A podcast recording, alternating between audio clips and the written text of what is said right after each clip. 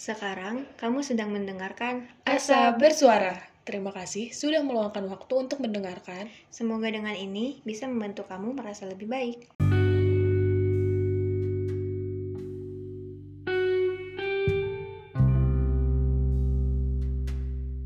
Halo Pickers, gimana nih hari kalian? Baik-baik aja?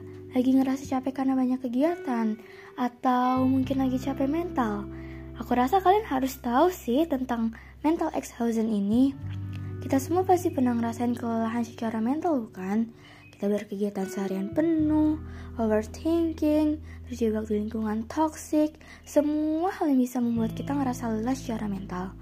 Mental exhaustion ini sebenarnya cukup umum terjadi sih, tapi masalahnya ketika kita tidak bisa mengatasinya itu akan mempengaruhi terhadap produktivitas kita loh, membuat kita merasa mudah tersinggung atau bahkan masalah mental yang lebih serius.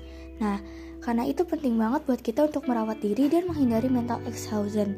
Yang pertama, kalian harus bisa menerima dan mengakui perasaan. Jangan pernah kita bohong atau denial tentang perasaan diri sendiri. Terima dan ungkapin aja kalau kamu lagi ngerasa sedih, galau, kecewa, dan sebagainya.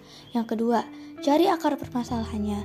Tenangin diri kamu dan coba berpikir kenapa masalah ini bisa terjadi. Dengan itu, kamu akan lebih mudah untuk mencari solusinya. Nah, selanjutnya itu kita harus mencoba mencari solusinya sendiri. Mencari solusi dari masalah yang lagi kamu alami. Contohnya tuh banyak loh. Salah satunya kalian bisa coba me time.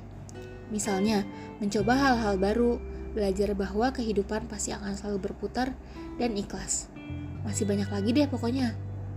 Yang keempat, kita harus cari support system. Kita perlu banget support system loh guys karena kalau sekiranya kalian belum bisa cari solusi sendiri, kalian boleh banget minta dukungan dan bantuan ke orang lain. Yang terakhir, konsultasi ke psikolog.